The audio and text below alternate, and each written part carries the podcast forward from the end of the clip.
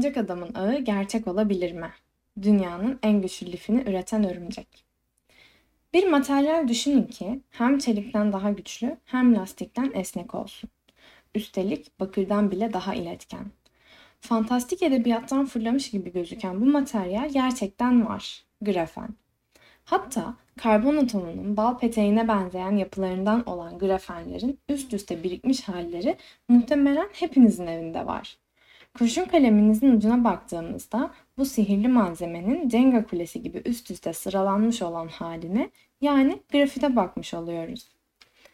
En dayanıklı malzemeler listesinde zirveye aday olan herkesin bildiği doğal bir maddemiz daha var. Örümcek ağları.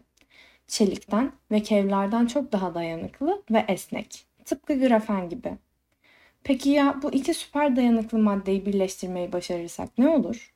Örümcek Adam sadece fantastik dünyada kalmayabilir.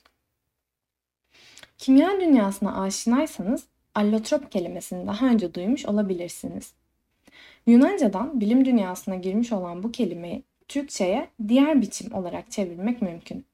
Daha bilimsel bir tanım yapmak gerekirse bir elementin atomlarının farklı şekilde dizilerek farklı yapılar oluşturmasına allotrop diyoruz. Örneğin kurşun kalemlerin ucunda bulunan grafit, karbon atomunun allotroplarından yalnızca bir tanesi. Grafit hakkında daha detaylı bilgi almak isterseniz silgi kalem izlerini nasıl siler yazımızı okuyabilirsiniz. Grafen ise grafitin bir adet karbon atomu kalınlığındaki katmanlarına deniliyor.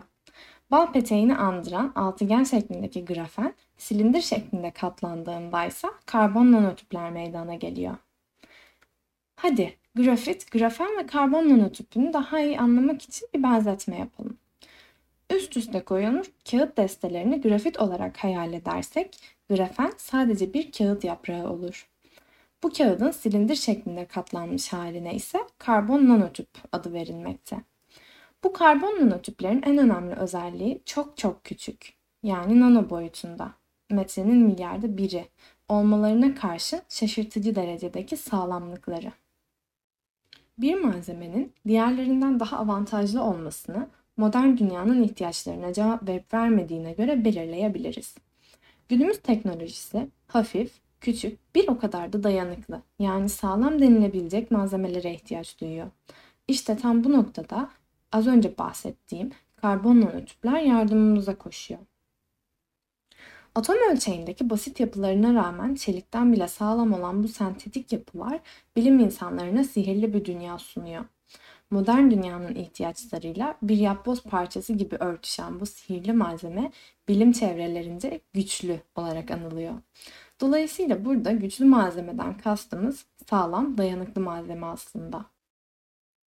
Peki ya örümcekler bu malzemelerle beslenirse? Kulağa son derece değişik geliyor ancak bilim insanları bunu da düşünmüş. Bir grup örümcek, grafen ve karbon nanotüpten oluşan bir çözelti ile beslendiğinde ortaya çıkan sonuç son derece şaşırtıcı. Bu örümceklerin ürettikleri örümcek ağı incelendiğinde süper güçlü malzeme keşfedilmiş. İnanmak güç ama bu ağ bir insanı taşıyabilecek sağlamlıkta. Üstelik bu ağ günümüz savunma sanayisinde sıkça kullanılan kurşun geçirmez yelek, zırh yapımında karşılaştığımız kevlardan da güçlü. Örümcek adam hikayesini bilenler vardır mutlaka.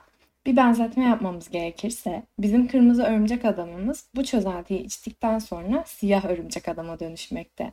Çok daha güçlü ve sağlam ağlara sahip.